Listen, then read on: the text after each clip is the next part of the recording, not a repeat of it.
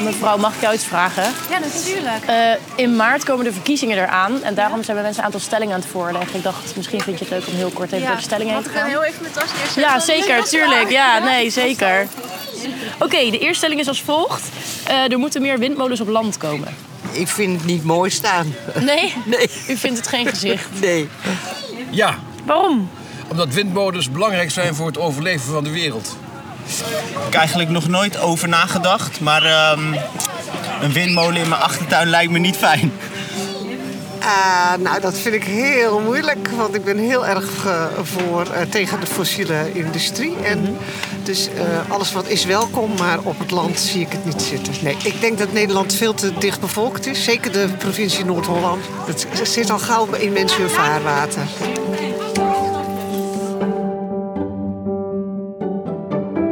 Windmolens. Voor de een noodzakelijk voor een duurzame toekomst, voor de ander een doorn in het oog.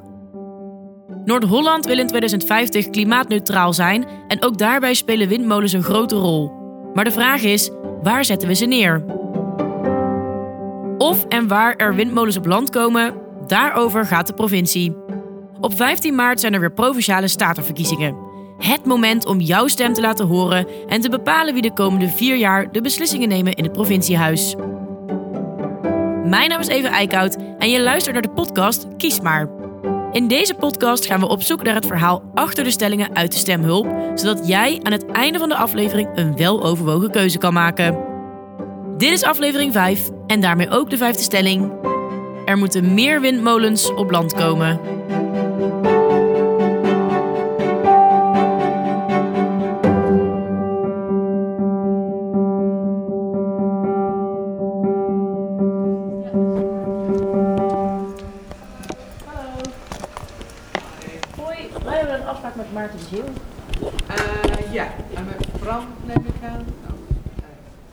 Deze aflevering staan windmolens centraal.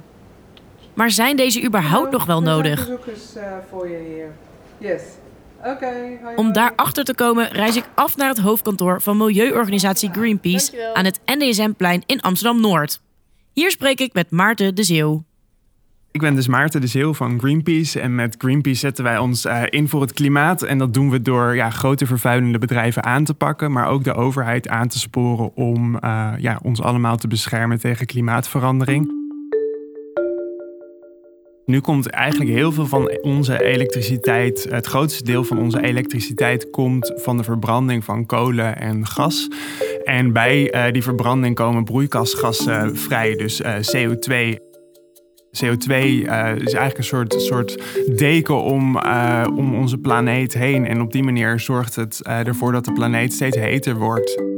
En dat ja, heeft allerlei gevolgen, van de stijgende zeespiegel tot droogte, tot overstromingen. en ja, we weten, wetenschappers waarschuwen daar al heel lang voor dat die gevolgen echt heel veel mensen gaan raken. Dus we zitten echt in een klimaatcrisis. De gevolgen worden steeds groter. Maar gelukkig hebben we ook echt de oplossing in handen. En een belangrijk puzzelstukje van die oplossing uh, is wind op land. Uh, samen met uh, zonne-energie zijn windmolens echt heel erg hard nodig om te zorgen dat we niet meer fossiele brandstoffen hoeven te verbranden die de klimaatcrisis steeds erger maken. Windmolens dus. Volgens Maarten de oplossing om klimaatverandering tegen te gaan. Maar zijn er geen betere innovaties, zoals zonnepanelen? Het is echt uh, en en, dus wind en, uh, en zonne-energie. En juist ook omdat, uh, nou ja, je merkt ook dat steeds meer mensen gaan in een elektrische auto uh, rijden. Dat is schoner, maar dat kost natuurlijk ook nog meer elektriciteit. En al die elektriciteit moeten we echt groen gaan opwekken.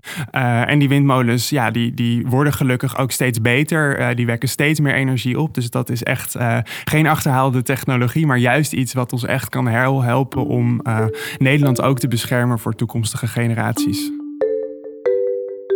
De vraag naar energie neemt de komende jaren alleen maar toe. Maar als het stroomnet nu al op veel plekken vol raakt, kan het netwerk al deze nieuwe groene energie in de toekomst dan wel aan. Ja, dus het elektriciteitsnet is echt een uitdaging. En daar wordt gelukkig ook echt hard aan gewerkt om dat uh, ja, vlot te trekken. Dat er uh, ook al die uh, groene stroom die we nodig hebben getransporteerd kan worden. Um, en nou, gelukkig wel, als ik bijvoorbeeld kijk hoe snel door heel Nederland glasvezel kan worden uitgerold, dan moet dat ook echt voor groene stroom gaan lukken. Um, ja, dus dat heb ik er vertrouwen in dat we dat echt ook dat knelpunt kunnen gaan oplossen. Belangrijker nog, we zullen het gewoon moeten doen. Want uh, het alternatief is dat uh, Nederland steeds harder geraakt gaat worden door de klimaatcrisis. En juist als, als een laagliggend land uh, hebben we die windmolens echt nodig. En die groene stroom hebben we echt nodig om droge voeten te houden. Als ik Maarten de stelling van deze aflevering voorhoud, hoeft hij niet lang na te denken. Windmolens zijn essentieel voor een duurzame toekomst. Maar waarom dan ook specifiek op land en niet alleen op zee? Ja, het moet eigenlijk allebei. We hebben het allebei nodig. En op dit moment is uh, helaas nog de, de grote meerderheid van de stroom die we opwekken, komt uit uh, gas of kolen. En dat zullen we echt allemaal uh, moeten gaan vervangen door groene stroom. Dus, samenvattend. Windmolens zijn nodig om klimaatverandering tegen te gaan. Willen we droge voeten houden, dan moeten we stoppen met het gebruik van fossiele brandstof. Op dit moment is 41% van alle stroom in Nederland groene energie. Wat al een verdubbeling is ten opzichte van 2019. Dat lijkt dus de goede kant op te gaan. Maar is dat ook echt zo? Op straat spreek ik een hoop mensen die niet zo zeker zijn over windmolens op land als Maarten. Zoals deze mevrouw op de markt in Hilversum. Ja, daar heb je twee partijen in natuurlijk. Hè? Ja, de mensen die er hinder van krijgen. Klopt. Dus... Zou u zelf een windmolen in uw tuin willen? Nee. Nee. Zeker niet. Nee. En Herrie, vindt u... Is herrie en schaduwwerking, Ja. denk ik. En begrijpt u wel dat er windmolens nodig zijn voor groene energie? Ja, wel. Maar op de vlakte of in het water. Ja, precies.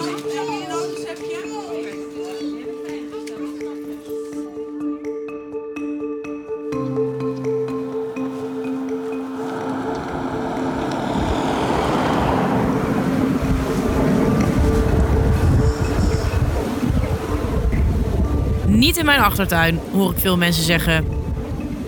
Maar wat nou als er wel een windmolen in je achtertuin staat en je dit geluid dag in dag uit hoort? Ik rij naar mijn gesprek met Maarten naar Anna Paulona. Een dorpje in de kop van Noord-Holland waar de afgelopen jaren zeven middelgrote windmolens langs het Noord-Hollands kanaal zijn gebouwd. Ja, vanaf de, deze woning, 30A, is het ongeveer... eh, die molen is ongeveer 300 meter. Ja. En dan hebben we aan de andere kant een molen op 340 meter ongeveer staan. Ja. En dit is dan een groepje van vier molens. Ik sta in de achtertuin bij Albert Hoetjes. 150 meter. Albert woont in Anna Paulona en is bloembollenkweker. In 2005 is achter zijn huis een windmolenpark aangelegd. Met deze wind, zoals oostenwind, als je dan s s'nachts een, eh, een redelijke wind hebt, tussen 3 en 6, dan horen wij ze heel duidelijk in huis. En is dat dan de hele nacht? Ja, dat, is, dat kan de hele nacht zijn.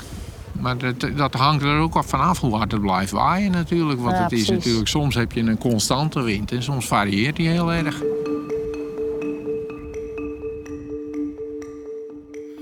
Dit is een agrarisch gebied, echt een bloembollengebied. En wij zitten hier op deze locatie vlakbij het Noord-Hollands kanaal. Als ik met Albert plaatsneem aan de keukentafel van het huis waar hij 60 jaar geleden is geboren, schetst hij de schaduwzijde van windmolens. Albert vertelt hoe in 2005 de eerste kleine windmolens geplaatst werden, die tien jaar later werden vervangen door grotere. En daar begon de overlast. Toen werd het windmolenpark opgeschaald en toen is de exploitant met het verhaal gekomen dat de grotere windmolens net zoveel of minder overlast zouden veroorzaken als de kleine. En toen zijn wij eigenlijk op het verkeerde been gezet, want wij hebben toen eigenlijk geen bezwaar gemaakt in die tijd. Toen zijn die grotere windmolens geplaatst en toen ontstonden de problemen. Nou, dat was geluidsoverlast, slagschaduw en eh, nou ja, eh, s'nachts gewoon heel veel eh, overlast van, van geluid vooral. Kunt u ongeveer een idee voor mij geven wat, wat het dan is? Nou, als ik dan de nachten neem, dan ga ik uit tussen de 200 en de 250 dagen dat er overlast is. Oké, dat is dus de meerderheid van het jaar. Ja. Ons huis eh, zit eigenlijk continu in die geluidszone. En wij hebben daar gewoon eh, heel erg veel mee te maken. Kijk, wij doen s'nachts als er veel geluid is, doen we de raam dicht. En soms zet ik de radio wel eens aan. Om dat geluid niet steeds te horen. En eh, het is ook niet een geluid waar je aan kan wennen. Omdat je steeds andere geluiden hoort. Het zijn eh eh soevende geluiden. Een soort Lassau-geluiden zou ik het kunnen omschrijven. En een bepaalde geluidstoon die in die molen zit. Is het zoveel, zodanig dat u er wakker van ligt? Af en toe wel, ja. Naast het zoevende geluid heeft Albert last van de slagschaduw van de windmolens. De schaduw is afkomstig van de wieken van de molens, die uiteraard vooral zichtbaar is als de zon schijnt.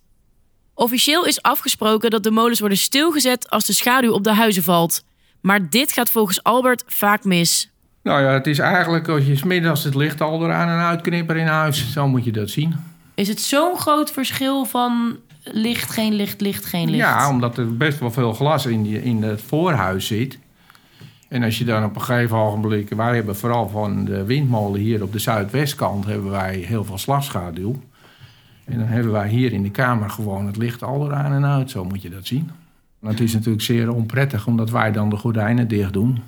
Want eh, anders dan eh, televisie kijken kan je dan bijvoorbeeld niet. En het is als, je, als je hier zit, is dat natuurlijk heel vervelend. Een krant lezen is ook bijna niet mogelijk natuurlijk op die manier. En als ik dan de omgevingsdienst daarvan in kennis stel... dan gaat men daar weer naar kijken... en men gaat dan de exploitant daarvan verwittigen... en dan gebeurt er eigenlijk niks. Er is geen handhaving.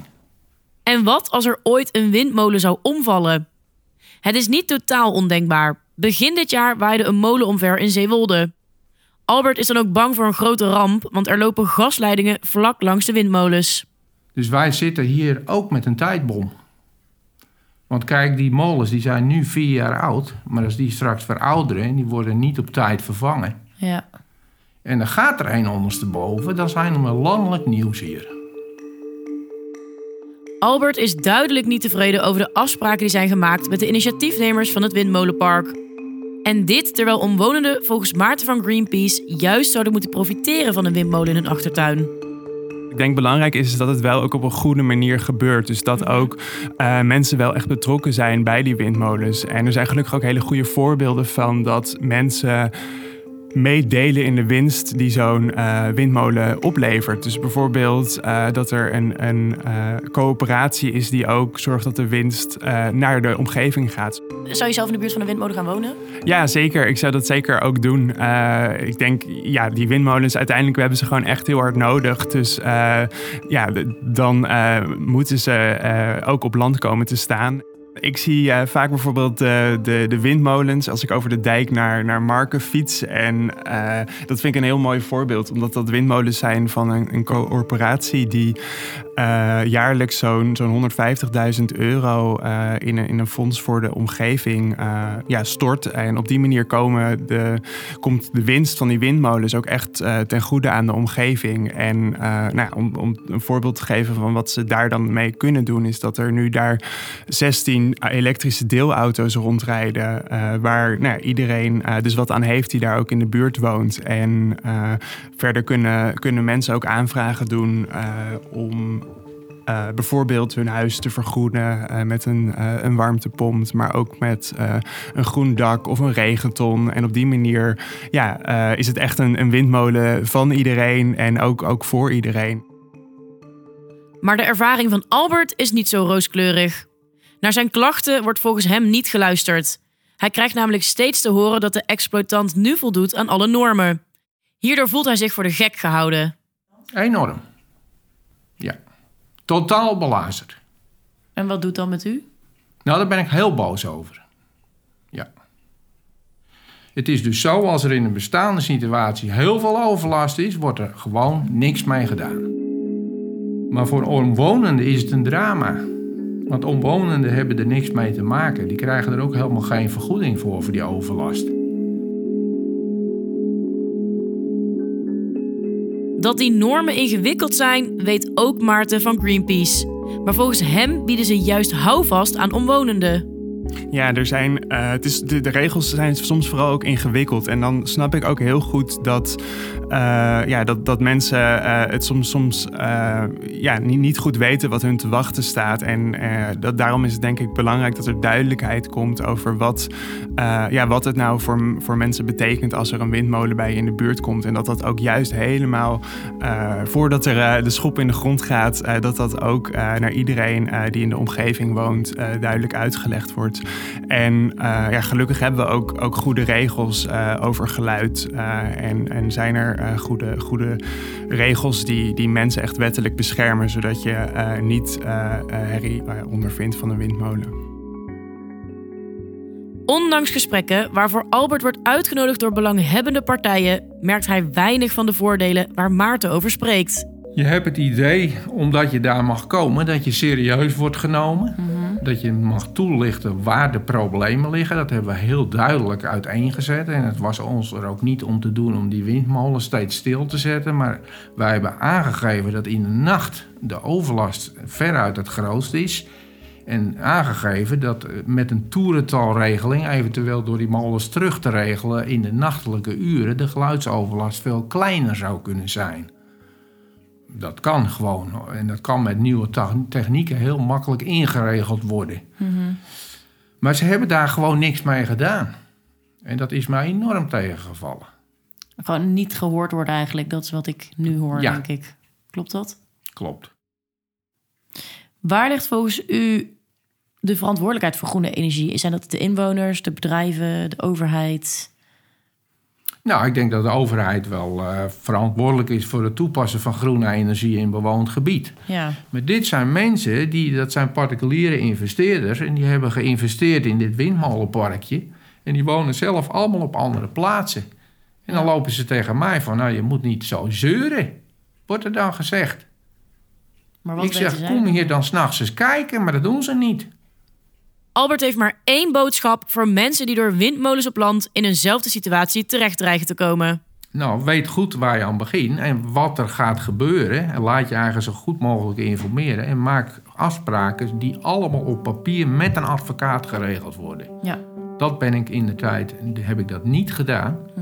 Ik heb met de exploitant mondeling eh, hebben wij eh, dingen afgesproken. En het is het stomste wat ik ooit gedaan heb. In mijn leven. Een grote levensles geweest. Ja. Een hele grote fout geweest. Eh, ja, in mijn droomwereld heeft vooral iedereen eh, groene energie van eh, zon, eh, zon, zon, maar ook van wind. We kunnen heel erg naar een energiesysteem waar eh, ja, mensen juist eh, lokaal hun eigen energie opwekken en eh, ook lokaal eh, daarvan profiteren.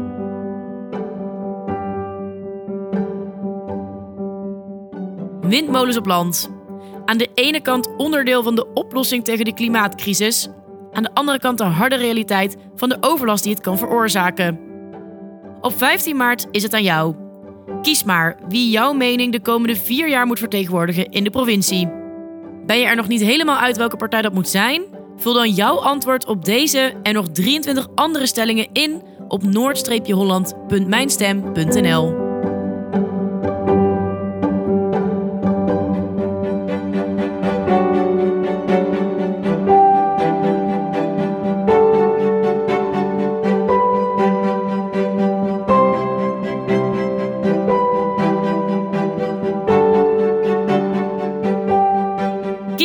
een productie van het podcastkantoor en wordt gemaakt in samenwerking met de provincie Noord-Holland.